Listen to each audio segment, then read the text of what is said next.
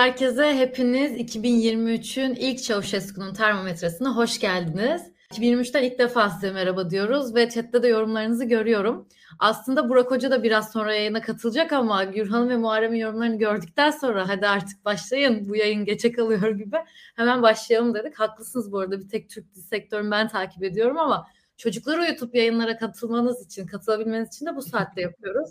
Ama yine tabii ki chatte yorumlarınızı çok önemsiyoruz.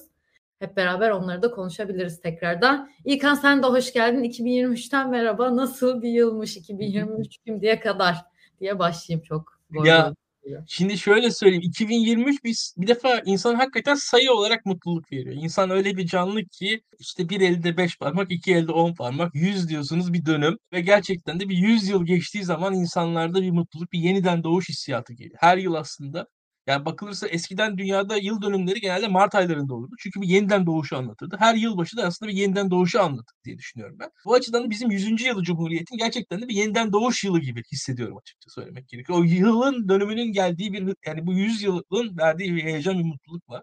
O yüzden de normalde daha umutluyuz. Yani bakarsanız hiçbir zaman 117. yıl hedefi olmaz. 100. yıl hedefi olur. İşte hani bu tarz zamanlar önemlidir. Sen benden daha iyi bilirsin. İşte İngiltere Kraliçesi'nin platin jübilesi vardı. Golden jübile. Ya böyle yıllar önemlidir yani açıkçası. Bunun gibi yıllarda da insan oturur bir geçmişe bakar, bir geleceğe bakar. Geçmişini planlar, geçmişini daha doğrusu geçmişini bir ölçer geçmişini bir şekilde yerli yerine oturtmaya çalışır, bir daha anlamaya çalışır. Böyle 100. yıllarında mesela 100 yıllık yıllıklar çıkar. İşte atıyorum Birinci Dünya Savaşı'nın 100. yılında, Balkan Savaşı'nın 100. yılında kitaplar çıkmıştır. Bugün bu yılda Türkiye'de kitaplar çıkacak. Bu yılda Türkiye'de belgeseller çıkacak. 100 yıllık Cumhuriyeti anlatacak. Yine aynı şekilde gelecek yüzyıla dair. Bu geçen yüzyılda bunlar oldu. Gelecekte neler olacak diye tartışmalar olacaktır diye tahmin ediyorum. Biz de o tartışmanın içinde olacağız açıkçası. Elimizden geldiğince hem izleyeceğiz hem de kendimiz katkı vermeye çalışacağız. 100 yılın verdiği heyecanın içerisindeyiz açıkçası. Ha tabii ki evet belli şartları böyle. 100 yıl gerçekten dediğin gibi çok önemli ama sana bu sırada senin konuşmandan aklıma gelen bir şey sormak istiyorum. Yani Türkiye normal böyle çok politik değişikliklerin olmadığı, belki de kader seçimine gireceği bir 100. yıl kutlamasında olmasaydı, 100. yılında böyle bir seçim arifesinde olmasaydı çok daha farklı bir atmosferde olur muyduk sence 2023 için? Hmm. Evet, şu anda gerçekten de atmosferimizi bizim birazcık daha İngilizce terim amplify eden bir şey de bu. Yani açıkçası katlıyor. Bu gelecek seçim hem Cumhurbaşkanlığı seçimi hem meclis seçimi ve Türkiye'de biliyorsun ki rejim değişikliği de beraberinde geçirdi. Cumhurbaşkanlığı hükümet sistemi geldi. Bunun da yarattığı da bir heyecan var. Bununla beraber gerçekten bu seçimle beraber bu hissiyat daha yüksek pozisyonda ve şöyle söyleyelim. Recep Tayyip Erdoğan Türkiye'de Mustafa Kemal Atatürk'ten daha uzun zaman iktidarda kalmış bir lider şu anda. Yani bakılırsa Mustafa Kemal Atatürk 1923'ten 1938'e kadar Türkiye'yi yönetti. Recep Tayyip Erdoğan ise 2002'den 2023'e kadar Türkiye'yi yönetmiş olacak. 21 yıl. Yani baktığınızda 15 yıl 21 yıl. Ortada net bir şekilde 6 yıl fazla Türkiye'nin başına Tayyip Erdoğan kalmıştı. Gerçekten de insanların bir dönüşüm değişim beklentisi var. Yani burada işte Osmanlı padişahlarına Kanuni örnek verenler var, Abdülhamit'e örnek verenler var. İşte böyle bir uzun iktidarların getirdiği bir gerginlik de vardır, bir stres de vardır. Bunun yarattığı bir baskı da vardır. Mesela Sovyetlerde Stalin döneminin yarattığı öyle stres olmuştur. Böyle şöyle söyleyeyim Bro, her iktidar, iktidar dönüşümü, değişimi aslında sistemlerden bağımsız. İşte ister krallık olsun, ister komünizm, ister demokrasi, ister diktatörlük. Ortada bir toplum değişim dönüşüm ister belli bir sürede. Belli bir süre geçtikten sonra isterseniz ki yeni bir atıyorum beğendiğiniz futbol takımında yeni oyuncu gelsin istersiniz. Müzik dinlerken yeni şarkıcıların çıkmasını istersiniz. İşte atıyorum yeni sanatçılar, yeni filmler istersiniz. Veyahut da şu anda bakın sinemaya gidiyoruz. Bakın işte ya diyoruz hep eski filmlerin yeniden çekimleri ne kadar yeteneksiz bu adamlar. Dost yeni hikaye uyduramıyorlar diyoruz. İşte atıyorum tekrar tekrar eski şeyleri ısıtıp ısıtıp önümüze sürüyorlar diyoruz. Kızıyoruz. O yüzden aslında biz sıkılıyoruz. Açıkçası bu hissiyat, bu sinemadaki hissiyat tüm toplumda bence var. Hepimiz sıkılmış durumdayız. 21 yıl kolay değil açıkçası. İdeolojiden bağımsız herhangi bir siyasal fikrin, herhangi bir liderin Türkiye'nin başında 21 yıl kalması kolay değil. Katlanılır değil bence. Ki yan faktörleri söylemiyorum bile. Ve bunun yarattığı da bir stres var. Ve bu hakikaten 100. yılda hep diyoruz ya hani yeniden doğuş, yeniden başlangıç. 100. yıl hakikaten bunu da sembolize ediyor. İnsanların ruhunda bilerek bilmeyerek bu heyecanla bu yıla bakıyorlar diye düşünüyorum. Yani zaten Muharrem Palaz da söylemiş. İlk yarı karanlık kabus, ikincisi umut ve mutluluk getirecek içime doğdu diye. Ha, karanlık kabus da olmaz inşallah ama güzel bir yıl olur diyelim. Ya sen de deyince aslında ben ilkokuldan beri hep geçen bir arkadaş grubuyla konuştuk. Hedef 2023, hedef 2023'ü duyarak büyüdük. 2023 o zaman bizim için çok uzak bir yıldı. Cumhuriyet'in 100. yılı. Oh daha çok var diyorduk. Gerçekten şu an Cumhuriyet'in 100. yılındayız. Çok önemli bir yani Türkiye Cumhuriyeti'nin 100 yaşında olması gerçekten çok önemli bir gelişme. İçimizden gele gele 29 Ekim'de de gerçekten çok şanlı, şenlikli bir kutlamayla 100. yılını kutlarız umarım Cumhuriyetimizin diyelim. Ama birazcık da Muharrem dediği gibi ekonomi konularına değinmek istiyorum seninle. Geçen yayında da sen bundan biraz bahsetmek istemiştin. Geçen yayına başladığımızda aslında asgari ücret zammı açıklanmıştı. Bu arada da Burak Hoca da geldi. Hoş geldiniz. Hoş 2023 ilk yayınına. Biz sizsiz birazcık başladık ama hoş geldiniz. Şu asgari ücreti soracaktım. Yani bir asgari ücret zammı geldi. Tabii ki herkesi bir anlık mutlu etti ama geçen sene yılbaşından 31 Aralık'tan hazır alışık olduğumuz gibi zamlarla da uyandık. Gördüğüm tek tweet zam tweetleri ve 2023 umarım güzel olur tweetleriydi. Yani ne zaman eriyecek bu asgari ücret? Asgari ücret artışı bir şeye ulaşacak mı? Bir yandan mesela en çok dikkatimi çeken Osman Gazi ücret, geçiş ücretine zam geldi ama hazineden karşılanacak gelen zam, özel şirkete ödenecek zam. Bir tarafta dış ticaret açığı inanılmaz yine rekor kırdı. Nasıl bir 2023 ekonomik olarak bizi bekliyor? Senin burada söyleyeceğin birkaç şey vardı. O yüzden İlkan seninle başlamak isterim. Tabii. Şöyle söyleyeyim bunu bir defa. Türkiye'de asgari ücretin mertebesinden ziyade Türkiye'nin seçtiği ekonomik sistemi konuşmak gerekiyor. Şöyle açık bir şey gözüküyor ki Türkiye'de şu an asgari ücret asgari ücret olmaktan çıkmış durumda asgari ücret Türkiye'de şu an azami ücret neredeyse haline gelmiş durumda. Çok basitçe söyleyelim. Yani standart ücret yani şu anda sabit ücret asgari ücret haline gelmiş durumda. Bir kısım şanslı insan çok kaliteli bir diploması, şanslı bir diploması diyelim daha doğrusu varsa asgari ücretin %20-30 üzerinde bir maaş alıyor. Onun dışında yani toplumun yani açıkçası %70'i 80'i asgari ücret ve asgari ücretin biraz üzerinde bir maaşlarla idare ediyorlar şu an Türkiye'de.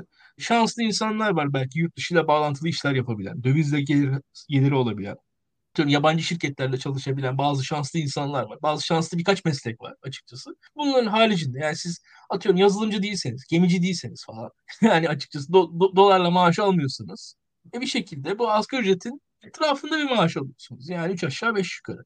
Yani bu arada bizi izleyenler beğenip paylaşırlarsa iyi olur onu da ekleyeyim. Yani bu asgari ücret meselesinden ziyade bizim şunu görmemiz lazım. Bizim vatandaş olarak biz namusuyla çalışarak böyle kendine yeterli bir gelir elde edebilir halden çıkmış durumdayız. Yani şu anda ben şunu düşünüyorum.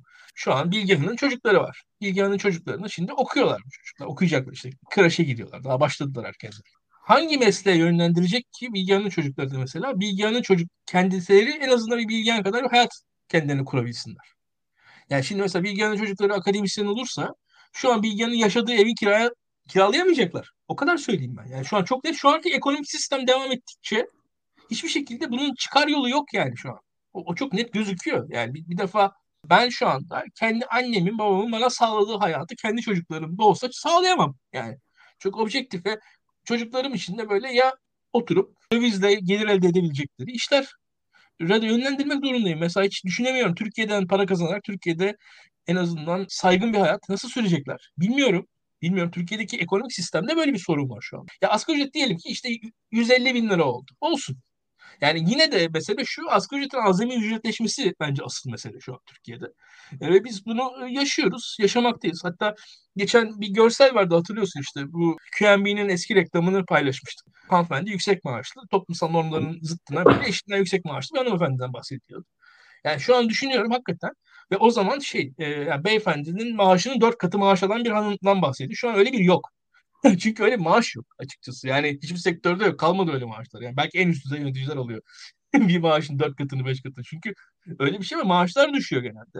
Çok net bir şekilde insanların gelirleri hiçbir şey yetmez hale gelmiş durumda. Ve şu anda hepimiz bir azami standartlarda yani azamisi asgarisi ya üst üste gelmiş bir standartta yaşar hale geldik. Yani ve en sonunda bakalım Türkiye'ye. Türkiye'de şu an en önemli bakanlık eski Aile Bakanlığı. Açıkçası çünkü sosyal güvenlik sistemine muhtaç durumdayız. Sosyal yardıma muhtaç durumdayız. Hepimiz yardıma muhtaç durumdayız. Neredeyse ya şu anda bir noktadan sonra biz böyle sağdan soldan insanlar belli bir sosyal güvenlik sistemi içerisine girerek hayatta kalmaya çalışacaklar gözüküyor. Şu anki sistemin gidişatı öyle yani. Hani buradaki sıkıntı şu. Okulu bitirirsiniz, bir işe girersiniz, çalışırsınız. işte ne yaparsınız? Ev almaya çalışırsınız. Tasarruf edersiniz. Yani şöyle öyle bir hayat öngörüsü ancak hayatta kalabilirsiniz şu an Türkiye. Sıkıntı orada diye düşünüyorum. Asgari ücret meselesi de yani bu genel büyük ekonomik hikayenin dışında Evet yüksek olmalı. Yüksek olmasının belli faydaları vardır. Ama şu anki sistemde sadece bu mertebeyle oynayarak yapılacak değişiklikler, diğer ekonomik e, önlemlerle beraber olmadıkça şunu getirecektir. Sadece temel gıda ve temel e, tüketim malzemelerindeki fiyat artışlarını tetikleyecektir. Ve o da kısa vadede de asgari ücretin erimesine yol açacaktır. Yani asgari ücretlinin harcadığı şeyler asgari ücret artışıyla beraber artacaktır. Ne yazık ki. Ya biz şu an onu yaşayacağız. Ve burada da bu e, şöyle hatta daha ileri gideyim. Ne yazık ki Türkiye'de şu da var. Biz sanayide yapabileceğimiz teknolojik dönüşümleri yapmıyoruz. Bir de işin o tarafı var. Yüksek katma değerli ürünlere Türkiye'nin geçişi yavaş oluyor. Ve ya burada da ne yazık ki şu da var. Türkiye'nin sığınmacı mülteci politikası da biraz bunu besliyor açıkçası. Orada da emek piyasasının üzerinde de bir baskı var. Yani bir de işin o tarafı da var. Ve şu anda da aslında sıkı bir denetim uygulansa emek piyasası üzerinde çalışma izni olmadan çalışan insanlara bir gerçekten bir denetim yapılsa Türkiye'de sektörler bayağı alt üst olur. Allah kullak olur. Zaten yani Sayın İçişleri Bakanı söyledi. Türkiye'deki işte sanayi durur falan dedi yani Türkiye'de. Bu bizim bizim sözümüz değil yani. İçişleri Bakanı söyledi bunu. Tek birkaç sanayinin duracağından bahsetti Suriyelilerin yollarsa. Şimdi, e, şimdi Türkiye'de durum böyle. E, bu da zaten ya açıkçası niye bunun böyle olması sadece bundan ibaret değil. Bu böyle olduğu için zaten siz insanlara da maaş vermiyorsunuz. Asgari ücretin azami ücret oldu derken böyle. Çünkü asgari ücretin altında da çalışan insanlar. Onu görmek lazım.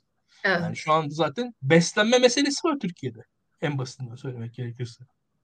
Yani öyle. Ben de biraz önce yayına girmeden İstanbul Büyükşehir Belediyesi'nin paylaştığı bir şeyi okudum. 4 kişilik bir ailenin İstanbul'da geçinmesi için 27 bin liranın üzerinde bir geliri olması gerekiyor. Bu da zaten 3,5. Yani ailedeki 3,5-4 kişinin kaçınması gerekiyor. Bu geçinebilmek için yani gerçekten hı hı. açlık sınırı şeyinde. Onun dışında Sıla Kenar yazmış. Ya önümüzdeki günlerde gençleri de bence işsizlik bir şekilde bekliyor. Yeni mezunlar iş bulamıyor. Çünkü dediğin gibi özel sektör şekilde yeni mezunlara ya da herhangi çalışana iş vermek istemiyor. İş çıkarımlar başlayacak. Önümüzdeki günlerde umarım ekonominin daha da kötüye gittiği günler görmeyiz diyeceğim ya, ama hatta biraz, e, ben de mesela bu Daktilo'da üzgünüm şey de ekleyeyim. Biraz hep böyle işçi düşmanı falan diye gözüküyoruz. Bu aslında bakın bu EYT meselesinin arkasında da biraz bu işsizlik meselesi var aslında. Yani ve hükümet bu EYT işini çıkartarak belli bir yaşın üzerindeki insanların emek piyasasından çekilmesini teşvik ediyor.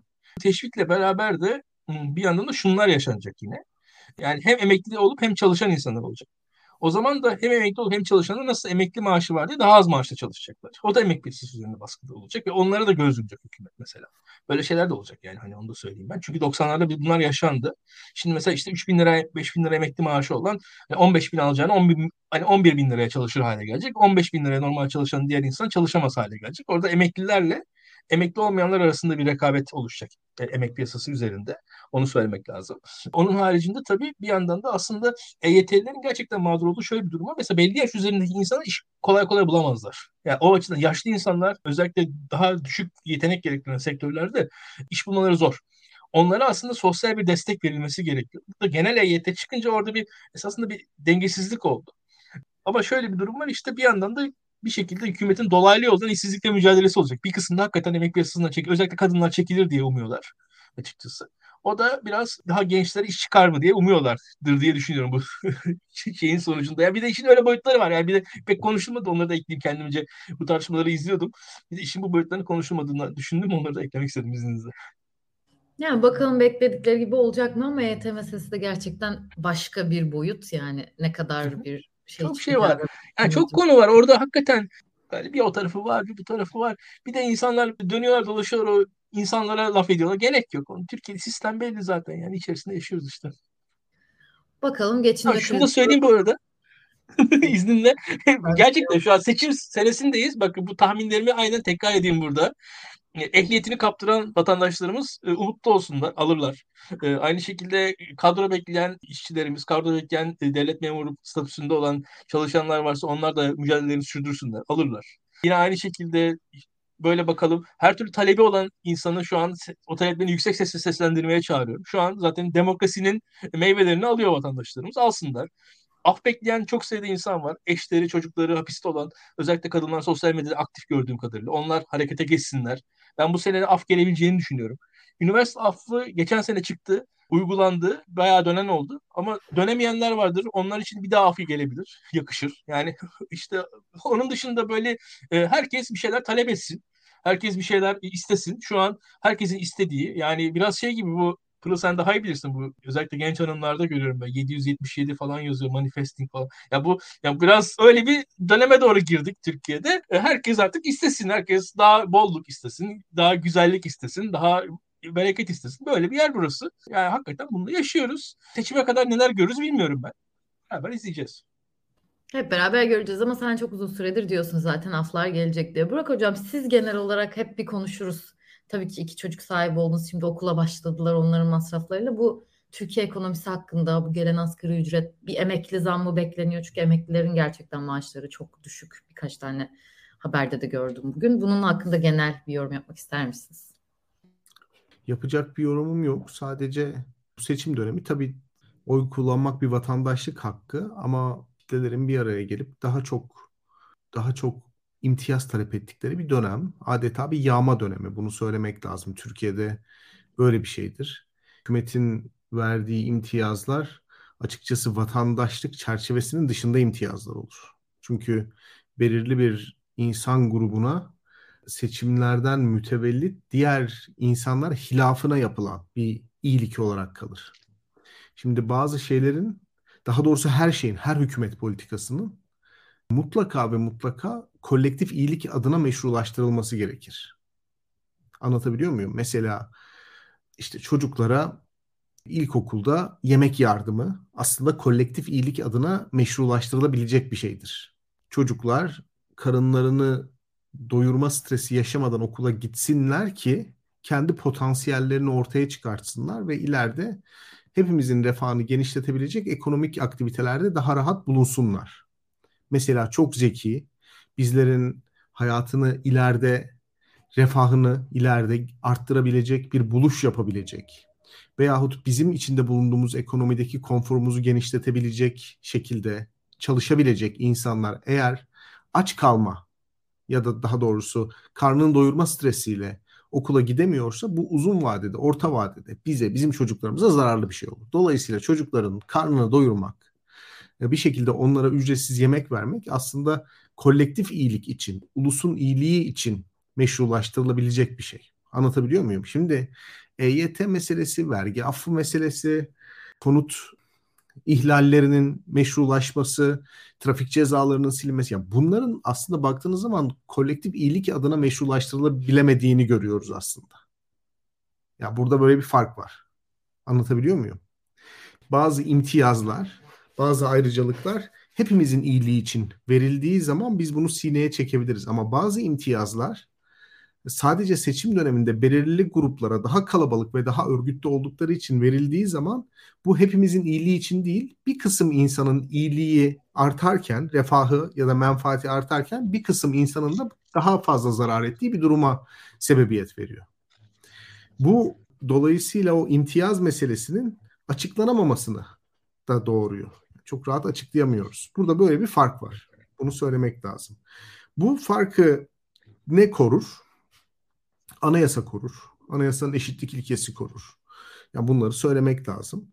Mesela bugün 10 Eylül 99'da emekli olmuş birisi niçin emekli olamadığını sorguluyor muhtemelen. Yani 25 sene daha fazla çalışıp kendisinden bir gün önce e, sigorta girişi yapılan birisinin sigorta primini ödeyecek. Şimdi bunları hükümetler düşünmez tabii ki. O hesabı yapar. Kolektif iyiliği de düşünmez. O günün sonunda alabileceği oya bakar. Ama bütün vatandaşların iyiliğini yürütme erkinin düşün, dışında düşünmesi gereken yargı erkinin olması lazım. Yani bütün vatandaşların eşitliği, ne bileyim cumhuriyetin temel nitelikleri çerçevesinde bunu değerlendirmesi lazım. O yüzden hükümetlerin böyle elini kolunu sallaya sallaya bol keseden vaatler verememesi gerekiyor. Çünkü bazı insanların kazanıp bazılarının kaybettiği bir sistem ortaya çıkıyor. Bu da eşitlik ilkesine aslında aykırı. Bunu söylemek lazım yani. Hani niçin biz bazı imtiyazların yanındayız. Mesela çocuklara ilkokuldan başlayarak temel gıda yardımının yapılmasının yanında olmalıyız. Fakat bu kolektif iyilik adına iyi bir şeydir. Fakat öte taraftan e, bazı kimlik gruplarına mesela X bölgesine elektriğin bedava verilmesi, X grubunun işte bir şekilde kamu kaynaklarından daha fazla faydalanması, ya da suç işleyen insanların, vergisini ödemeyen insanların seçim döneminde affedilmesi gibi durumların kolektif iyilik adına bir açıklaması tabii ki yok. Orada öyle bir ayrım var onu söylemek lazım. O bakımdan seçimler böyle dönemler. Ve kolektif iyilik adına zaten bunun fayda üretmediğini de sadece yargı değil bir de alternatif siyasi partiler savunacak. Mesela asgari ücret meselesi, mesela EYT meselesi görebildiğim kadarıyla çok fazla popülist siyasetin konusu haline geldi. Muhalefet partileri EYT'den sonra işte biz söylemiştik, biz yaptırdık, biz zorladık gibi bir tavır içerisine girdiler. Bence orada popülizm ile kamuculuğu birbirine karıştırıyorlar. Yani şu anda dünyada işte kamuculuk yükseliyor. Bunu üzülerek kabul etmek zorundayız. Yani yapacak bir şey yok. Dünyada küreselleşmenin etkisiyle birlikte hakikaten rekabet edemeyen sınıflar var ve kamucu öneriler çok cezbediyor bu sınıfları. Bu önerilerde bulunmayan partiler rağbet görmüyor. Daha aşırı sağ ve sol partiler bu insanları kendilerini çekmekte başarılı oluyorlar. Kamuculuk ile biraz önce bahsettiğim gibi popülizm arasında bir fark var. Bunu söylemek lazım. Yani kamuculuk daha ciddi, daha ortak faydaya hizmet eden projeler geliştirmektir ve tabii tartışmaya açıktır. Çünkü kolektif fayda aslında ölçülebilir bir şey. Mesela İlkan biraz önce söyledi EYT'lilerin durumu. Bunun işsizliğe yaptığı katkı projekte edilebilir. Yani siz bunu hesaplayabilirsiniz ve diyebilirsiniz ki aslında EYT işsizliği azaltmak bir tarafa iş piyasasını bozup emekli olan insanların rekabet gücünü arttırabilir. Çünkü rahatlayan bir gelire kavuşan insanlar iş piyasasına çekilmezler. Tam tersine iş piyasasının koşullarını bozarlar. Bunu söyleyebilirsiniz. Orada görev biraz da siyasi partilere düşüyor. Mesela asgari ücret meselesinde yani asgari ücretin yüksek olmasını savunabilirsiniz. Ülkedeki asgari ücretlinin sayısına bakarak. Fakat asgari ücret yüksekliği bir yerden sonra e, kitlesel işsizliğe sebep olduğu zaman e, buna söyleyecek bir sözünüzün olması lazım. Anlatabiliyor muyum? Yani şu anda bütün taşeron işçiler devlet kadrosuna geçirildiler, geçirilmek isteniyorlar. Yani aslında bir asgari ücretli sınıf bu. Kamu personeli gibi asgari ücretliler var. Temizlik personeli, güvenlik personeli gibi ya da yardımcı personel gibi. Şimdi bu insanların tabii etkilenmiyor yani kamudan maaş aldıkları için ama özel sektörün bir işçi için 11-12 bin lira maliyeti üstlenmesi hele birden fazla işçi çalıştırıyorsa hani çok yüksek bir maliyet. Bugün hani 3 harfli marketlere çok kızıyoruz fiyatlarını arttırıyorlar diye. BİM'in 80 bin çalışanı var. Genel itibariyle asgari ücret civarında maaş alıyor 80 bin kişi. %54 zam yapıldı. E, bununla birlikte mesela BİM'e mal üreten bütün firmalarda çalışan insanlar da asgari ücretli. Onların da maaşına %54 zam yapıldı. Şimdi e, zaten elektriği falan hiç söylemiyorum. Sadece iş gücü maliyeti üzerinden söylüyorum. Biz bütün bu maliyetleri yani BİM'de gördüğünüz e, her malı üreten insanların maliyeti %54 oranında arttı. Bu malı satan, bize getiren insanların maliyeti de %54 oranında arttı. Fakat biz ne bekliyoruz? BİM'den hiçbir şeye zam yapmamasını bekliyoruz. Ya da 3 harfli marketler. Bu olanaksız bir şey. O yüzden hani EYT gibi, asgari ücret gibi konularda popülizme yani kamuculuk kisvesi altında popülizme kaymaya çok müsait meselelerdir bunlar. O yüzden siyasi partilerin, muhalefet partilerinin buna karşı ciddi anlamda alternatifler geliştirmesi lazım. Yani biz söyledik hükümet yaptı tavrı çok yavan. Bence siyasi olarak bir şey de üretmeyen, yani bir faydası da olmayan bir tavır. Yargının yanı sıra muhalefet partilerinin de bunu denetliyor olması lazım. Halka anlatması lazım.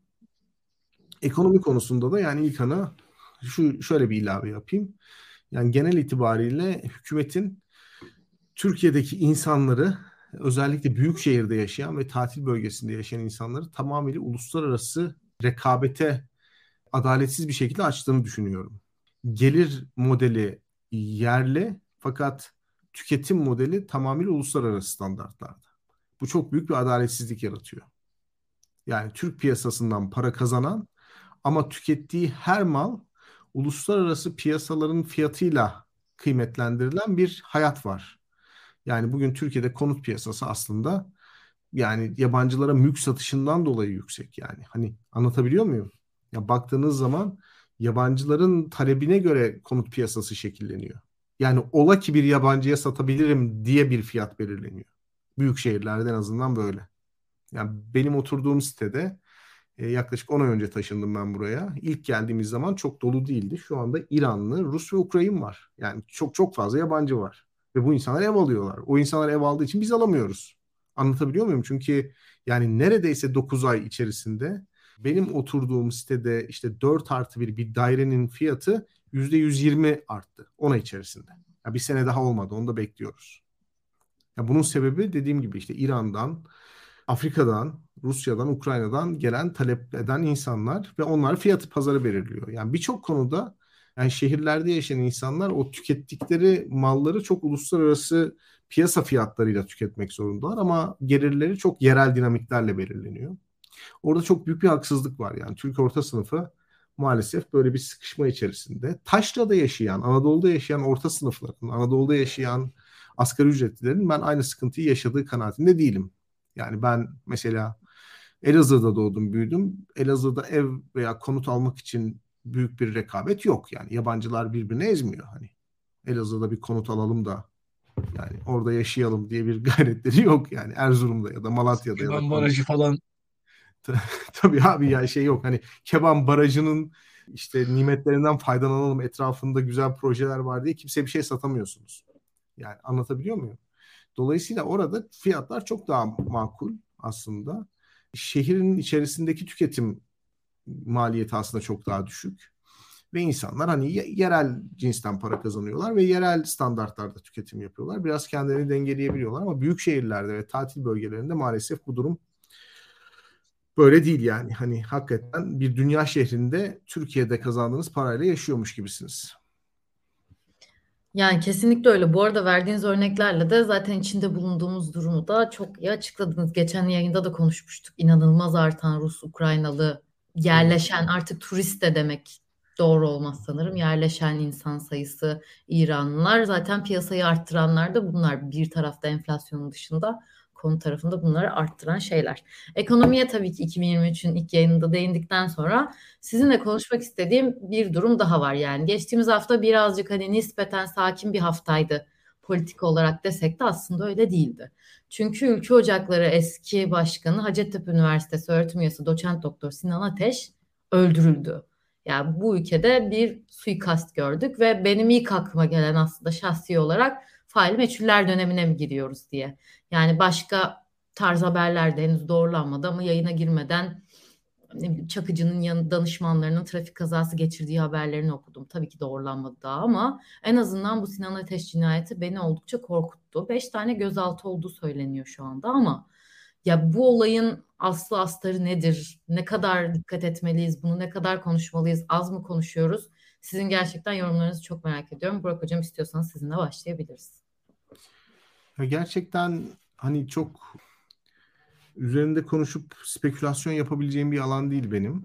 Çünkü orada bilmediğimiz çok fazla değişken var. Ben yani dinleyicilerimize çok daha ne derler derinlikli bir analiz yapmak isterim. Ama onu yapabilecek bir bilgim yok açıkçası. Bu hafta içi bu konuda konuşabilecek bir arkadaşımızı yayına alacak herhalde İlkan. Bildiğim kadarıyla Fatih Uçar'la bir program yapacak. Çünkü o milliyetçi camianın iç dinamiklerini, oradaki güç ilişkilerini çok net anlatıyor. Ben de oradan öğreniyorum açıkçası. Fakat bildiğim kadarıyla yani ülke ocaklarının kültüründe bu tip örgüt içi infazlar pek yok.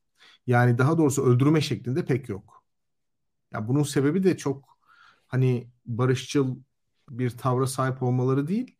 Bir kere cin şişeden çıkarsa yani öldürme meselesi bir kere norm haline alırsa hakikaten yaşanan çatışmanın çok kanlı geçeceği gruplar arasında. Anlatabiliyor muyum? Böyle bir mesele var. Dolayısıyla hani hırpalama, dövme, uyarma, kulağını çekme, bir şekilde yaralama gibi pratikler görmüştük ama bu öldürme meselesi hakikaten çok beklenmedik bir hadise. Öncelikli olarak onu söyleyeyim. İkincisi bu milli güvenlik devleti zamanlarında diyelim kişiler çok rahat kendi çıkarlarını, kendi refah projelerini devletin ve milletin bekası söyleminin arkasına saklayabilirler ve kendi sırtını siyaset yapmak yerine devletin devamına bağlayan ya da devletin güvenliğine bağlayan partilerin kaçınılmaz sonu son derece e, siyasetten uzak, son derece yüzeysel, son derece bilgisiz, son derece hamasi ve son derece kriminal. En önemlisi de bu. Son derece kriminal tiplerin bu partilere akın etmesidir.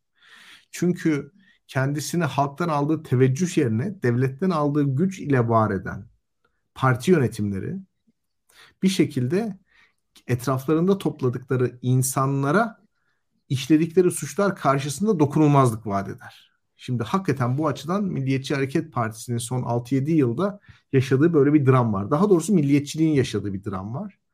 Devlet Bahçeli çok uğraşmıştı aslında. Yani baktığınız zaman bu ekolün Milliyetçi Hareket Partisi'nden temizlenmesi için en çok uğraşan siyasetçilerden birisiydi.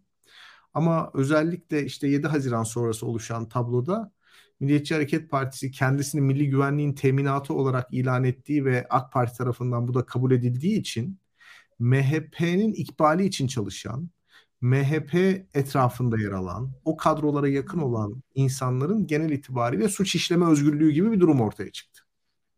Yani bu sadece son Sinan Ateş meselesinde değil, gidin Anadolu'daki en küçük kasabada bile benzer bir durum söz konusu. Bu da e, hani Milliyetçi Hareket Partisi'nin siyaset yapma ihtiyacının da olmamasından kaynaklanıyor. Çünkü siyaset yapmak zorunda olan, halkın teveccühüne ihtiyaç olan, halkın oyunu almak isteyen bir siyasi parti e, hakikaten bu tip faaliyetlerle kendi arasında mesafe koymak zorunda. İlkan'ın söylediği bir şey vardı bundan aylar önce. Milliyetçi Hareket Partisi hakikaten aynanın karanlık tarafında politika yapıyor. Yani MHP'nin savunduğu meseleler işte alkollü araç kullanıp ehliyetini kaptıranların ehliyetlerinin geri verilmesi. Yani toplumda hakikaten normal dışı, norm dışı, düzen dışı ne kadar insan varsa, ne kadar karakter varsa bunların daha iyi olabilmesi için MHP bir siyaset yapıyor ve orada bir pazarı var yani bu işin. Hani huzuru bozan, düzeni bozan, kriminal insanların bir pazarı var demek ki. MHP tamamıyla oraya siyaset yapıyor. Yani bugün düzen ihtiyacı içerisinde olan, norm ihtiyacı içerisinde olan, e, işte toplumsal uyum ihtiyacı içerisinde olan ki hepimiz böyle insanlarız. İnsanların Milliyetçi Hareket Partisi'nden talep edeceği bir şey yok açıkçası. Yani diğer siyasi partilerden var ama Milliyetçi Hareket Partisi bu insanlara konuşmuyor. İnsanların tekil, somut, pratik problemlerine çok daha büyük, çok daha soyut bir ulusal güvenlik meselesini çözdüğünü düşünüyor çünkü.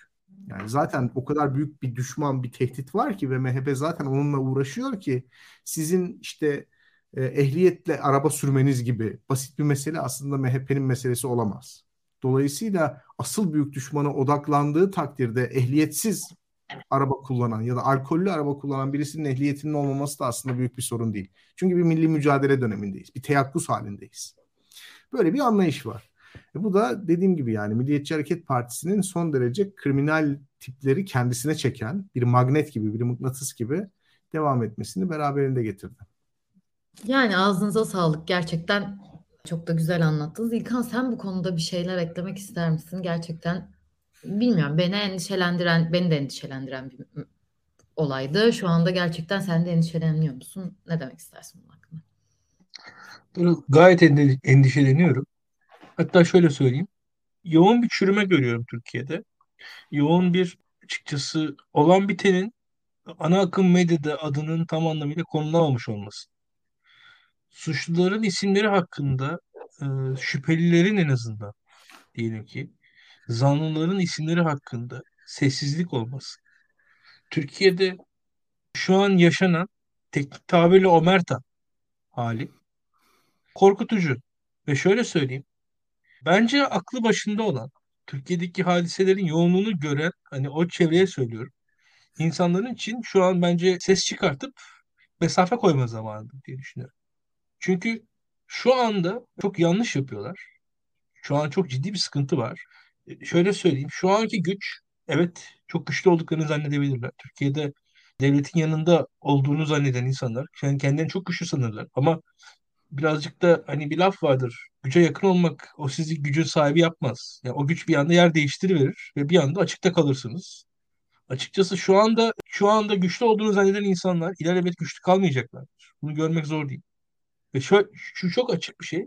Kurdukları düzen sürdürülemez olanların düzenleri de sürdürülemez. Yani şu an çok açık net bunu görüyorum ben burada. Bu cinayet açıkçası bunu gösteriyor. Sürdürülemez bir düzen kurdular. Ve bu sürdürülemeyecek. Bunu görmeleri lazım. Bu işte illegalite vesaire efendim zaten Türkiye'de belli bir illegal ekonomi döner. Bunun bir kısmının açıkçası devletin kontrolünde olması olmamasından iyi midir? İyidir. Böyle bir çıkarsamalar yaparsınız, büyük idealler eklersiniz falan. 90'larda bu terörle mücadeleydi. 2010'larda bu Suriye'deki savaştı açıkçası. Şimdi bu, bu, bu meselelerde belli bir süre eline silah almış insanlar.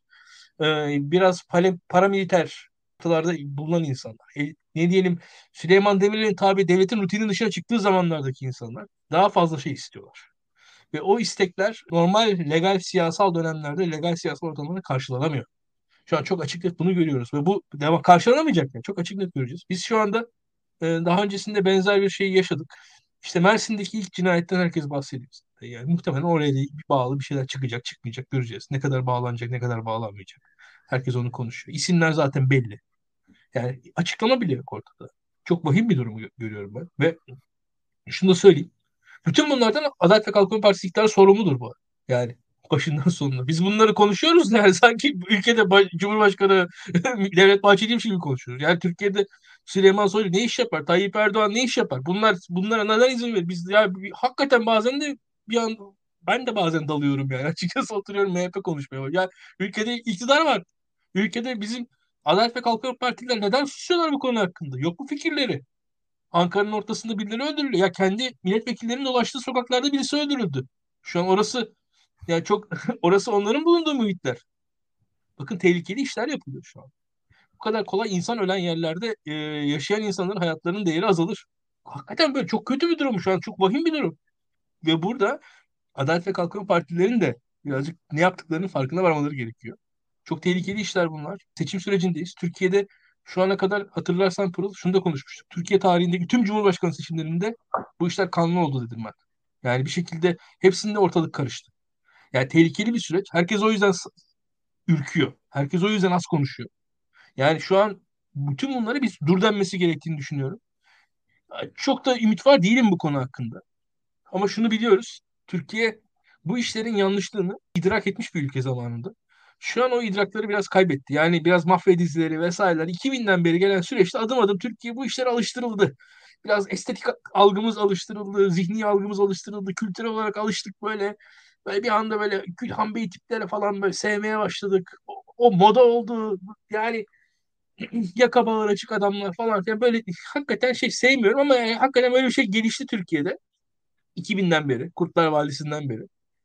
Yani bu süreci sıkıntılı buluyorum. Bu süreç sürdürülemez. Bunu söyleyeyim yani. Sürmeyecekti bu süreç. Çünkü bedeli çok fazla. Bu bedeli Türkiye ödeyemez. Bu bedeli, bu yükü Türkiye taşıyamaz. Yani bu, bırakın MHP'yi ve attı işte atıyorum bu insanları falan. E, işte insan en sonunda görüyor ki ya bir tane öyle ya da böyle doçent ölmüş. iki tane çocuğu var. Eşini görüyorsunuz falan. Eşi açıklama yapmış. Bir yandan düşünüyorum baskı mı oldu acaba diyorum. Bir yandan da diyorum bir tane bir kadın bu işlerin başında bütün bu çatışmanın ortasında ne yapsın? Ya yani o, o da haklı. Öyle kalıyorsunuz ortada yani. Üzücü. Üzücü. Ya oldukça üzücü. Senin de dediğin gibi sonuçta bir baba doçent, öğretim üyesi ve ne olduğu belli değil. Beş gözaltı var. Umarım gerçekten İçişleri Bakanlığı bir şekilde bu olayın çözer ve açık bir şekilde kamuoyuna açıklar diyeceğim ama böyle bir şey olmayacağını herhalde biliyoruz. Çünkü mesela ana akım medyayı izleyerek geldim buraya. Ana akımda hiçbir şekilde bahsedilen hiç kimsenin konuştuğu bir mesele değil. Oradan da size son olarak şunu söyleyeceğim. E, bu konuda ekleyecek bir şeyiniz yoksa. Ana akımda neler konuşuluyor? Ana akımda aslında bir Yunanistan meselesi konuşuluyor. Ve önümüzde Rusya-Ukrayna meselesi var. Birazcık da dış politik olarak 2023'te neler bekliyoruz? Ya çok kısa bir süre geçtiğimiz iki günde Yunanistan'daydım ben de bu arada. Ya Yunan Yunanistan'da da bir seçim geliyor ve popülist bir lider var. Daha önce konuşmuştuk bunu. Yunan haberlerinde, Yunanistan'daki haber kanallarında ben görmediğim kadar Mevlüt Çavuşoğlu ve Hulusi Akar görüyorum. Gerçekten Yunanistan'da inanılmaz konuşulan bir mesele. Şu anda sahanlığın 12 bir de çıkarılması, Türkiye'nin verdiği cevaplar, Mevlüt Çavuşoğlu'nun çok sert uyarıldığı falan böyle şeyler inanılmaz konuşuluyor şu an Yunan medyasında ama biz Türkiye olarak buradan ne bekliyoruz? Çünkü bizim ana akımda da gerçekten çok konuşulmaya başladığını düşünüyorum. Bu sadece seçim politikası olarak mı konuşuluyor yoksa mesela Yunanistan'da bir gerginlik bekler miyiz biz önümüzdeki sene 2023'te? iki ülkenin de seçim dönemiyken aslında. Burak Hocam siz bir şey demek ister misiniz bu konuda? Yani bu tip konularda böyle çok kesin konuşabilirim ama konuşmak istemiyorum nedense. Yani çünkü yani dünyada liderlik profili o kadar değişti ki yani hakikaten mesela bizim bildiğimiz teoriler var. Yani hani uluslararası politika o teoriler çerçevesinde açıklıyoruz. Fakat e, yani işte bu kim diyordu onu? Moffitt diyordu galiba. Yani bu popülist liderlerin zaten alameti farikası bilindik teorileri yanlışlamak üzere. Öyle ki yani iktisadın ya da siyaset biliminin fizik kanunlarına benzer prensipleri, teorileri var. Böyle sonuçlar bekliyorsunuz yani. Hani aktörlerin bir çıkar tanımı var ya da aktörlerin doğasına iç, iç, iç, içkin bir bir bilgiye sahipsiniz. Onların etkileşiminden belli bir sonuç bekliyorsunuz.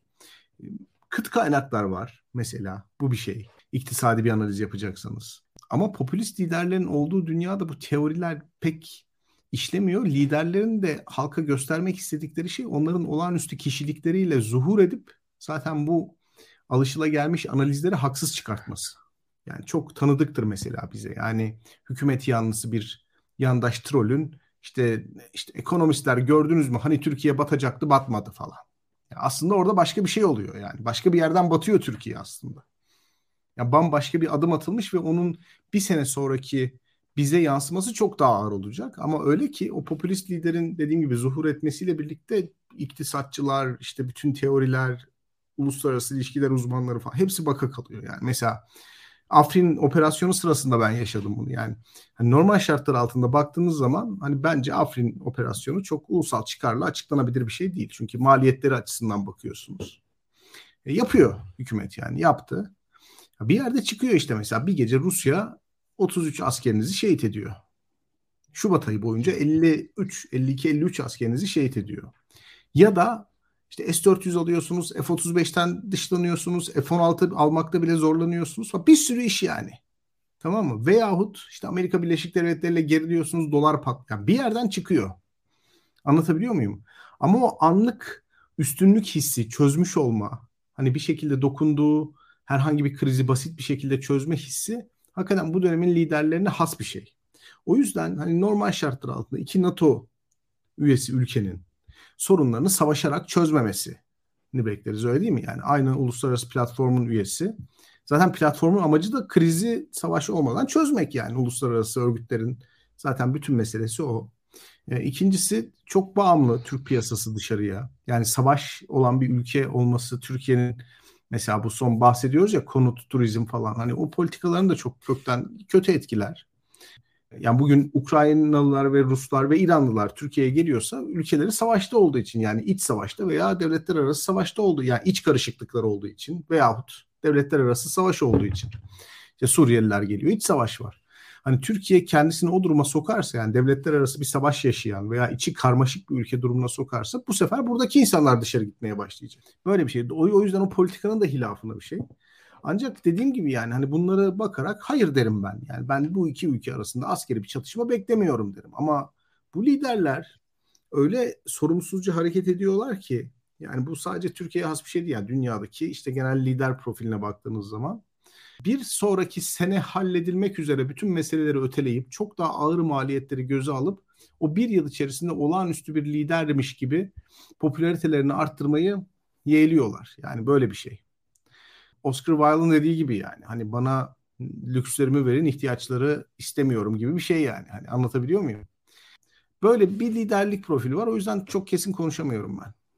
İlkan sen ne demek istersin? Ya açıkçası ben de tamamen seçim propagandası olarak konuşulduğunu düşünüyorum ama orada da inanılmaz yani bu kadar beklemiyordum ama popülist liderlerin herhalde ortak özelliklerinden biri olarak bir dış düşman yaratmak ve onun üzerinden kendi güçlerini arttırmak politikasını izlediklerini söyleyebilirim. Evet. Sen ne dersin? Ya beyefendinin ismini unuttum. Ya da hanımefendiydi galiba. Hmm. Şimdi bana birinden bahsettiler. Yunanistan'ın İstanbul'daki basın işte Türkiye'nin nasıl var işte Atina temsilcisi, New York temsilcisi, Yunanistan'ın İstanbul temsilcisi var Yunan medyasının. Şimdi onunla bizim arkadaşlar arkadaş böyle o diyor ki ya diyor ben sizin gibi değilim diyor. Nasıl yani diyor ben ben medya starıyım. Yani siz böyle siz normal böyle işte 3000 5000 kişinin takip ettiği vasat gazetecisiniz Ben orada diyor. Ben yıldızım diyor yani. Nasıl diyor işte. Ya işte Türkiye'de Kenan İmirzalıoğlu, Beren Saat falan neyse ben o kıvamda ünlü bir insanım diyor Yunanistan'da bir defa. E çünkü Yunanistan'daki bir gazetenin İstanbul, Ankara basın temsilcisi o, o çok ünlü bir insan oluyor yani. Hakikaten ünlü bir insan. Bir, bir, bir, bir birincisi bu. Ben, ben bu diyaloğu gördüm yani. Ben sizin seviyenizde gazeteci diye hakikaten dalga geçerek de kendisine öyle ben, ben çok ünlüyüm. Benle Atina'da sokakta yürüseniz rahat yürüyemezsiniz siz dedi işte e, o bizim gazeteciler.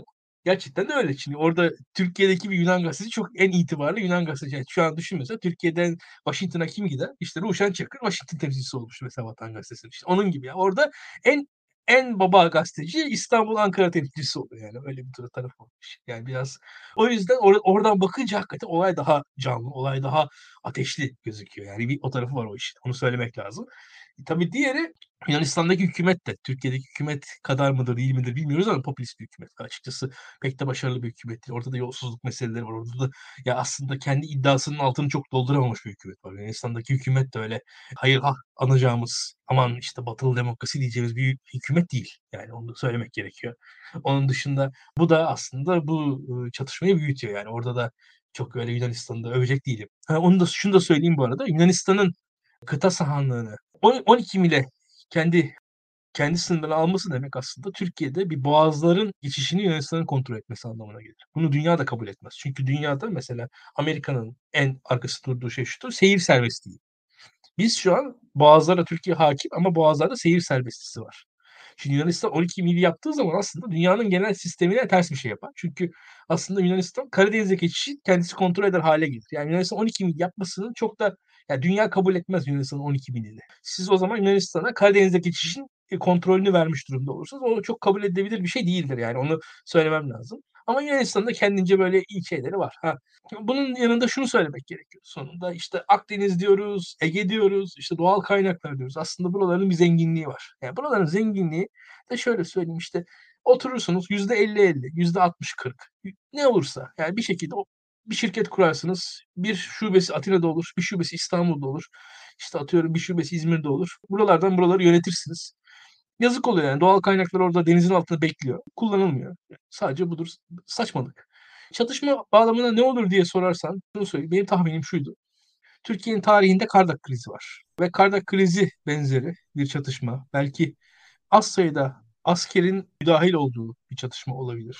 Bu olasıdır. Yani şu an çünkü o tarz videoları da ben izliyorum açıkçası. Böyle bazen düşüyor işte atıyorum işte Yunan sahil güvenliği ile Türk işte deniz kuvvetleri, Türk deniz kuvvetleri Yunan Türk sahil güvenliği Yunan deniz kuvvetleri arasında, ki hava kuvvetleri arasında it dalaşı olabilir, gemilerin yan yana geçişi olabilir. Böyle bir ufak çatışma tarzı şeyler olabilir. Hızlı yükselir, hızlı biter öyle bir şey olabilir diye düşünüyorum. Böyle bir risk var. Yani tahminim o anlık olur. Her tarafta kendi zaferini ilan eder diye tahmin ediyorum. Sonuçta aslında iki tarafta çekilir. O öyle gider gibi geliyor bana. Ama şunu da söylemek lazım. Yani şu dünyada Pırıl Bilgehan haklı. Şu an Avrupa'nın ortasında konvansiyonel bir savaş var. Yani biz şu anda Rus askerlerinin bulunduğu kışlanın ben bombalandığını gördüm.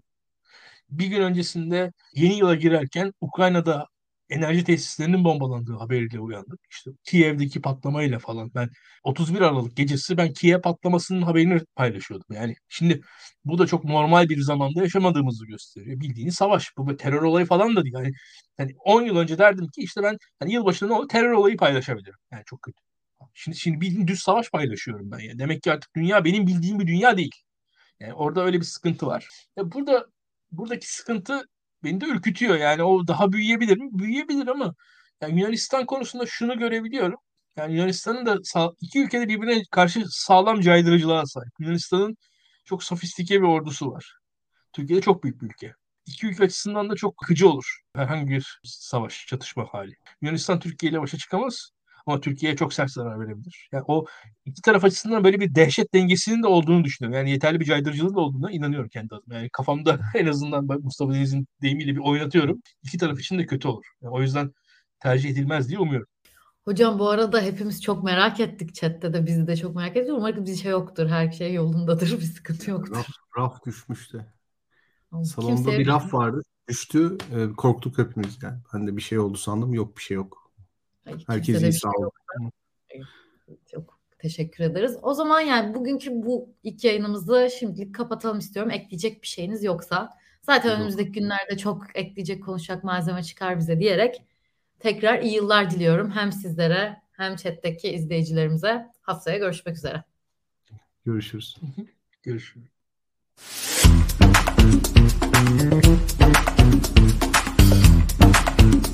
Thank you.